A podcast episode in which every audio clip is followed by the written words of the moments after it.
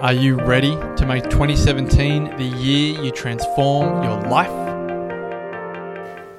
You can wait for something to happen, or you're actually going to decide to go, go home after this weekend to do something about that. We all know that we have a very, very limited amount of time on this earth. So let's not have repeated years.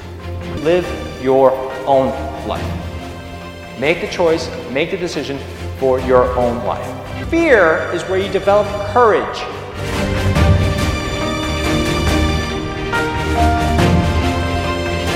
There's a moment going, holy crap, all right, I'm gonna do this now.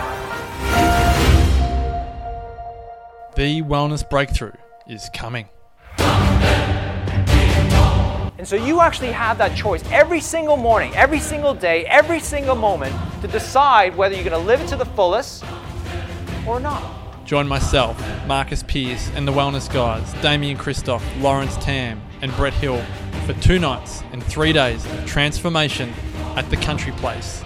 10 acres of breathtaking rainforest in the Dandenong Ranges of Victoria, February 17 to 19. It's each and every single one of you are going to support each other in your journey, whatever that journey is. Couples discounts available, limited spots remaining. For all information and to watch the spine chilling video, go to thewellnessbreakthrough.com. TheWellnessCouch.com, streaming wellness into your lives. Welcome to Nourishing the Mother, featuring your hosts Bridget Wood and Julie Tenner.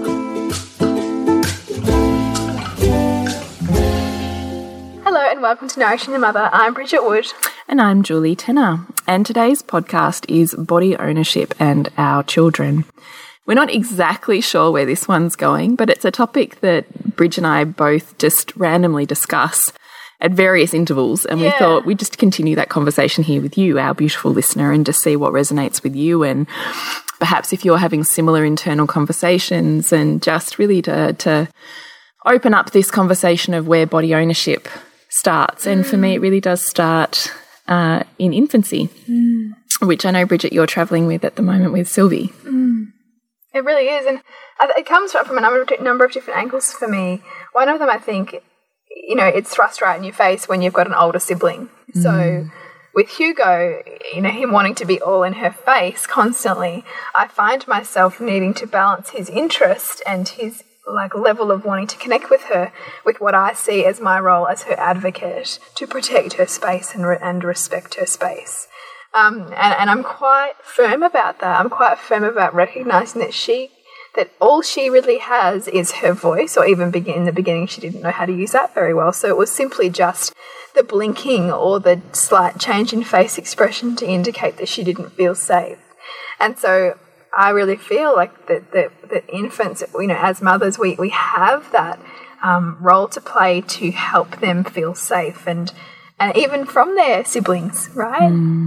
You know, so I've often will say to Hugo, you know, explaining just what I've said here, like that, that she that she can't tell you what she does and doesn't like, so we need to respect that this is her space. You know, I don't want you squeezing her too tight.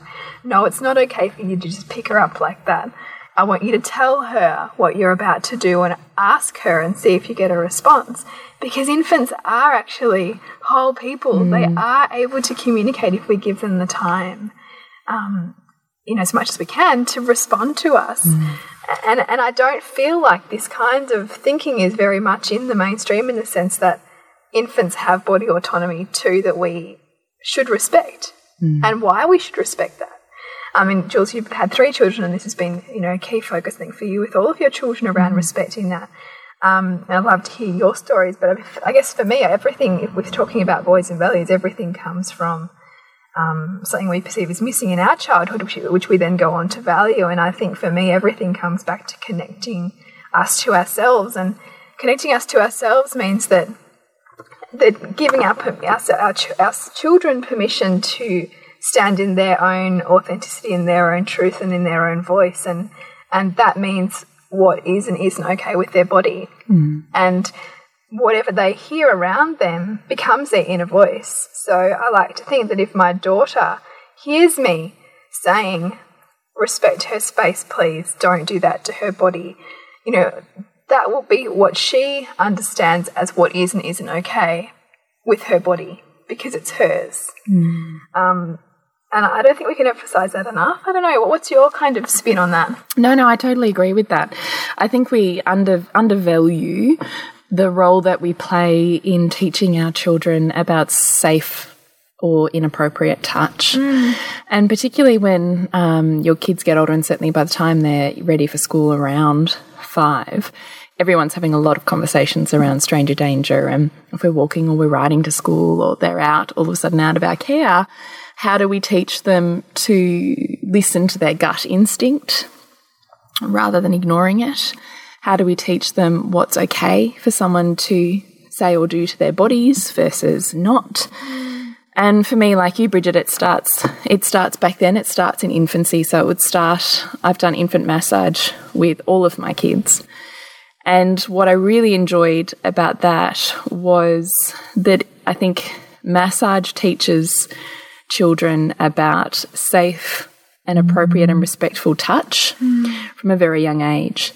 So it's not that touch is not okay, it's that touch is okay within these parameters. Mm. So before you ever do an infant massage, even on babies, there's a process of, you know, you've set up the warm room and the towel and the oil and all the rest of it.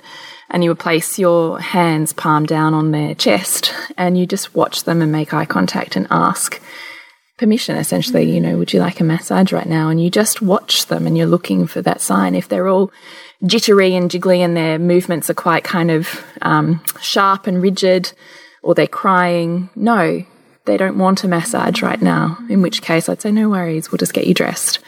But if they're soft and open and they're making eye contact and they're just kind of lying there, yes, I would like a massage. And in which case, then we move through infant massage is a lot about stories. There's certain movements with certain story and just getting them used to, they've never been touched in utero. So getting them used to the sensory, sometimes overstimulation or feeling of touch is a lot. Hmm. It certainly helps move emotion out of a body. So, particularly for birth that's been traumatic, perhaps there's been certain areas of that child's body that have been pulled or pushed or um, ripped out, you know, in various versions. And I've seen a lot of kids in practice with that. I remember this one in particular actually.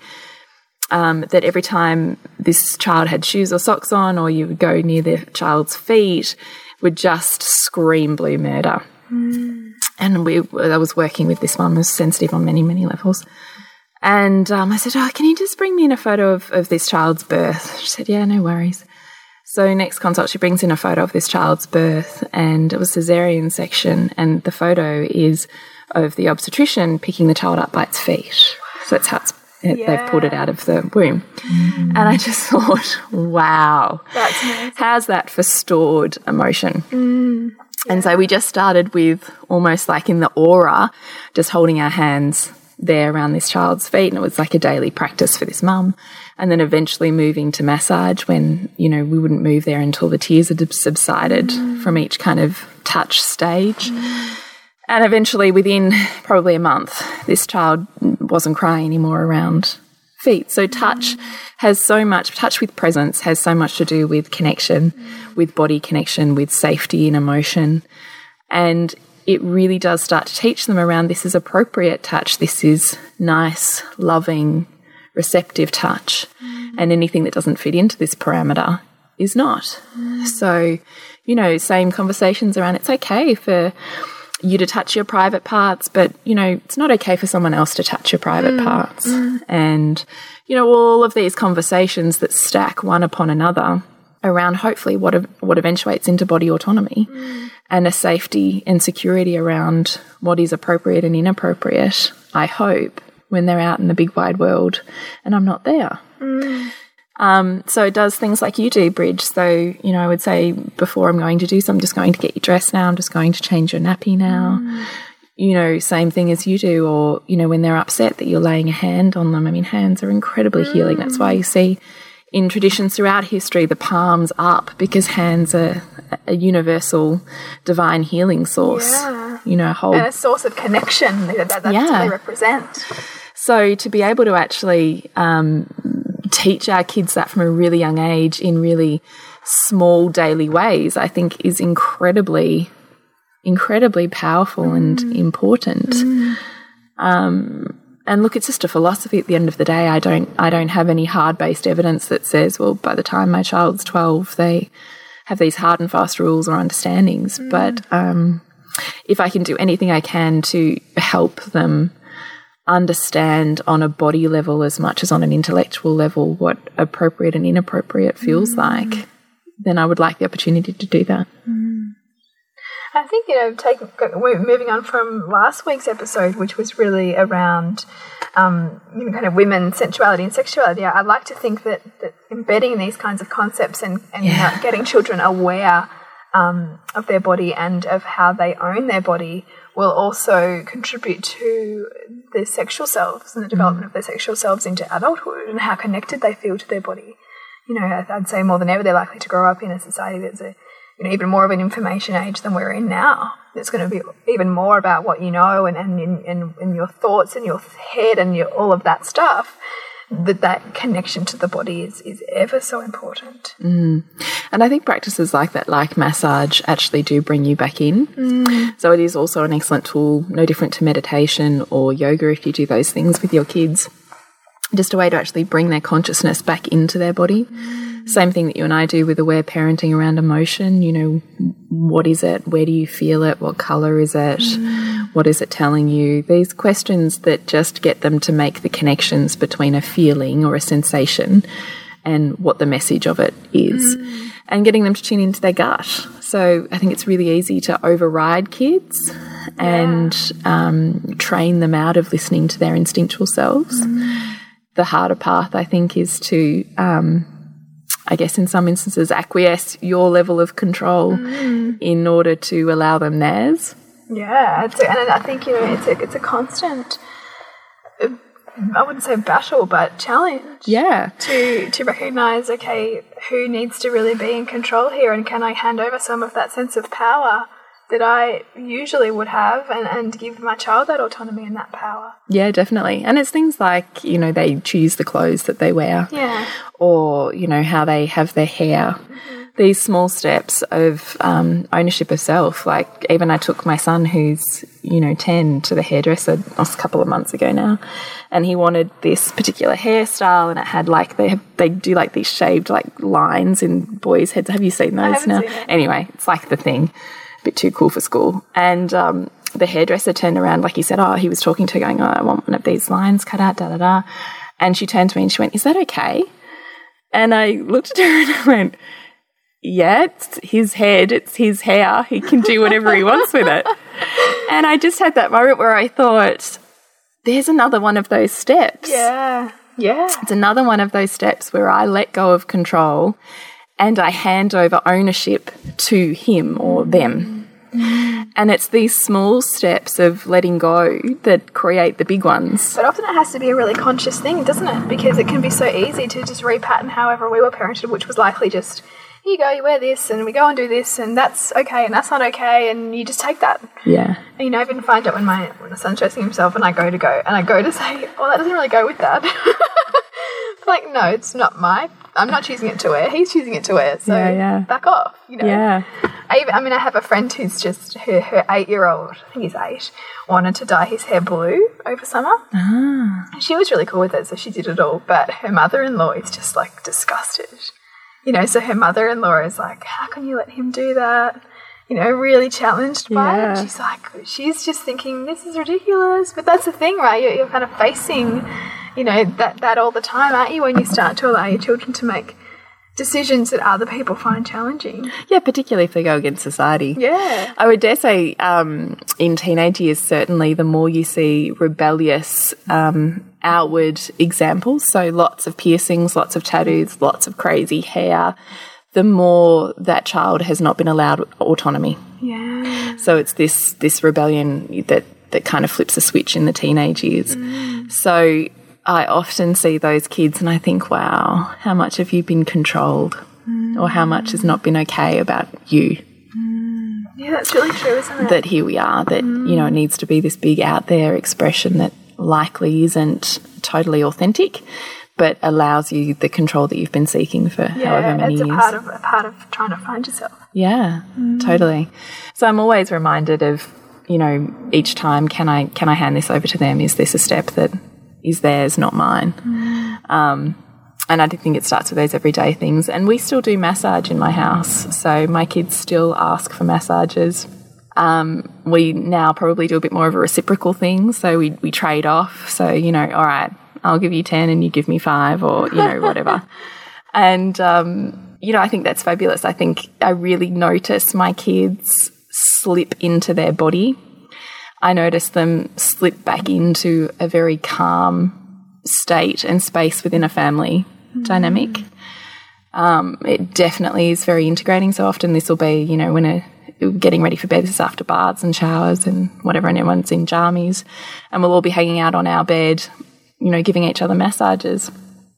And often it's one person at a time. So, you know, there might be five or six hands on this one person's body, and it's just really lovely because I think you get the opportunity to have conversations with them. Hmm. Like sometimes I think I've even sat there and given my son's feet a rub or something, and all of a sudden he's just started talking about his day, and he's not a talker. Hmm. So it's finding these small pockets of connection and bringing people back into their bodies allows them to connect with how they're feeling. Hmm. And I think within a family dynamic, that's incredibly powerful and important. And also to teach, this is why I love massage so much, to teach someone the power of their of their body, the power of their touch. So it is just as important for them to learn how to be appropriate and inappropriate with touch as it is for them to learn what it feels like for appropriate and inappropriate and have that reference point. Um, and both my older kids are excellent massagers, like fabulous massages. like I would happily have a massage for my son any day of the week. And he finds those sore spots like nobody's business. And I just think that in itself is an incredible tool because he's able to tune into somebody else's body Mm. and, in, in a way, read it, which is what all body workers do. Yeah. So I just think you can't underestimate the value of touch and the value of teaching our children about some of the hard stuff of life that starts with the softer stuff. You know, like those big conversations start with the everyday small ones. It's not one big conversation and they go, oh, I get it. It's the stacking of lots of casual conversations. Mm. And it's the same thing with teaching our kids about sexuality. It's not the one big birds and bees conversation. Mm. It's the everyday, small, casual moments that mm. create an understanding. And you know the kind of you know, ha household that you have around body body health and and what's and being comfortable in your body. You know how much are you willing to be seen naked by your children? Mm. How normal is it to, to you know be naked in front of your children so that they learn that they're okay. All of that kind of stuff, and and like everything, it starts with us. One contentious topic, which I think many parents probably don't even think twice about, that, but that is something that I think you and I are both really aware of with the aware parenting, Yeah. is, is tickling and tickling children. Because it's something that I don't do um, consciously with my son. Um, but, but it's something, it's a little thing he's got going on with my mum. And yesterday she was visiting and he didn't want to give her a kiss goodbye and he didn't want to give her a high five and she she went through she cycled through all these options in which to say goodbye to him. And she said oh what about a tickle? And he's like oh yeah yeah tickle tickle. And I thought wow like he's got something he needs to release from his body right now that's helping him that's making him want to say yes to her invitation to give him a tickle. But he doesn't know how to get it out any other way so he's using that as a release mechanism mm. it was my read on it but tell me your kind of Yeah, that's so interesting. I'd love to kind of understand that a bit more, I think, Yeah. Bridge, because my understanding of tickling, and I'll just fill you in as a listener if you're not kind of up with it, is that tick tickling is a form of control. Mm. So if you think back to your childhood when you were tickled to the point where you were paralyzed, you can't move, you're stuck, it hurts, and there's this person controlling your body and you can't get away. So, and I certainly have very vivid memories of that happening, particularly with my older cousins. Um, and I even remember growing up with stories of my mum saying that her dad used to do these like horsey bites, you know, on the knee. And I remember her saying they were so, it was so intense and so painful. She like, you know, I remember this, just this huge story about it. So, in essence, tickling is a very, um, what's the word? culturally coveted form of control because you have control and you are exerting control over another person's body. Now, you know, I, I do think now in the last few years I've probably mediated that a little bit, but let's start with the black Yeah, and yeah, white yeah. with where I started with. And I really understood that because I had these very vivid memories of childhood of feeling completely out of control and trapped and not able to get out. And, and I didn't like it. And so I had made the very conscious decision with my children that I would not tickle them. So it was, um, you know, loads of laughter, though. Laughter is incredibly Yes. emotionally releasing. So we can release tears and emotion through tears, or we can release tears and emotion through laughter. But when it comes in the form of tickling, it's not a genuine emotional release. It's like a manufactured form of getting that outcome, but not through a sense of autonomy. No, and definitely comes at the at the cost of you know feeling controlled. So, um, look, that's the kind of philosophy behind not tickling. Uh, so, I did. I was fairly open with that with my family and said, look, um, you know, this is how I feel about tickling. I don't mind, you know, little bits of it, but I don't. I don't think it's okay to keep going. And I certainly noticed this with my father in law. He totally misses kids' cues. He just keeps going, going, going, going. And particularly with my youngest, um, she is really, she has huge amount of body autonomy and she gets really upset with him really quickly. And the other day it was really evident we were staying with them um, at the holiday house actually the other week. And there was this one moment we were sitting at the breakfast table and he was down on the couch with um, her and he was tickling her. And I could see he started and she giggled. And then it very quickly turned into I don't like it and her trying to wriggle away. And I watched it. How did it make you feel seeing that? I, I look, to be honest with you, I was fine sitting where I was because it was a safe place and we were all there. I have no issues with my father in law at all. I was just, um, I guess I was watching with interest to see how this played out. Yeah. And, excuse me, and so she then escalated very quickly and then started to cry. And the more she started to cry, the more he wanted to tickle her to get her back to laughter Oh wow, yeah, okay. because it wasn't going the way he wanted it to go. So you just keep going, right? And he wasn't stopping. And so for some reason, though, no one else in the household tuned into it, which is really interesting. So I turned around to my husband and I like gave him the elbow and went, he's missed her cues. I think you might need to go there. Yeah, yeah, yeah. Because I thought at that point, it's his role to step up with his dad. Yeah. It's not mine. Mm. So he goes, Oh, right, right, right. And my mother in law was deeply offended. Oh. Yeah, it was really interesting, isn't it?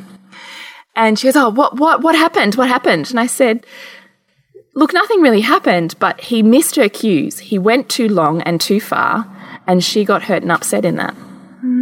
He just missed her cues, and he's deaf and has hearing aids and all this stuff. So I can also see that there's a level of he." And he's not emotionally tuned in. So he avoids emotion. Like it's so awkward, he runs from it. So I can also see that there's so much story around him that he, it's not possible for him to tune into that. So it probably means that, you know, we as Lola's parents probably have to be a bit more conscious around what that is, or perhaps now that this has played out, my mother in law will take that step up. Yeah. And I find it really interesting because she is always, she really likes her pa, but at the same time, she'll never kiss him hello or goodbye. She's always, oh no, I hate pa. And it's like this game that she plays all of the time. And I wonder if there's a lot of story there around he doesn't allow her body autonomy. Mm. He doesn't know he's doing that Yeah, because yeah. I don't think it's in his um, awareness to be able to, mm. because I dare say he never had it. Mm. Um, but it's this whole thing that plays out. Anyway, I've gone off on a tangent. I can't remember where we're at. We're talking about tickling. So I don't know. That's that's my philosophy on tickling. I guess now I see it as useful as part of a play if it's a very quick like diddle it and then it's gone yeah. and then you allow the role play or the silliness or the you know peekaboo or whatever to continue the laughter but in and itself is not the source of the laughter mm. Yeah, and that, that's, that's a big thing, isn't it? That, that you can go from nothing to laughter only through tickling. And, and I can see why it comes about because, yes, it's a form of control, but I also don't know that many adults consciously think of it that way. They just No. think of it as a pathway to fun, yes but it's fun on their terms. It's, it's, it's fun on, on, you know, and we're in the driver's seat. Yes. Which is what makes it comfortable for us and, and can very quickly escalate into being uncomfortable for children. yes So that's why I wanted to kind of delve there because I think tickling is certainly something that comes into the body autonomy discussion, but it's not something that is commonly thought of. so how do you handle it in your family Um, I've been watching with um, just observing it at the moment with um, with the way that it's sort of happening with between my mum and my son. Um, I'm not entirely comfortable with it, um, but I also recognise that she's very good at stopping when he is not. She reads his Yes, cues. Yeah, um, and it doesn't get to the point of it being overbearing.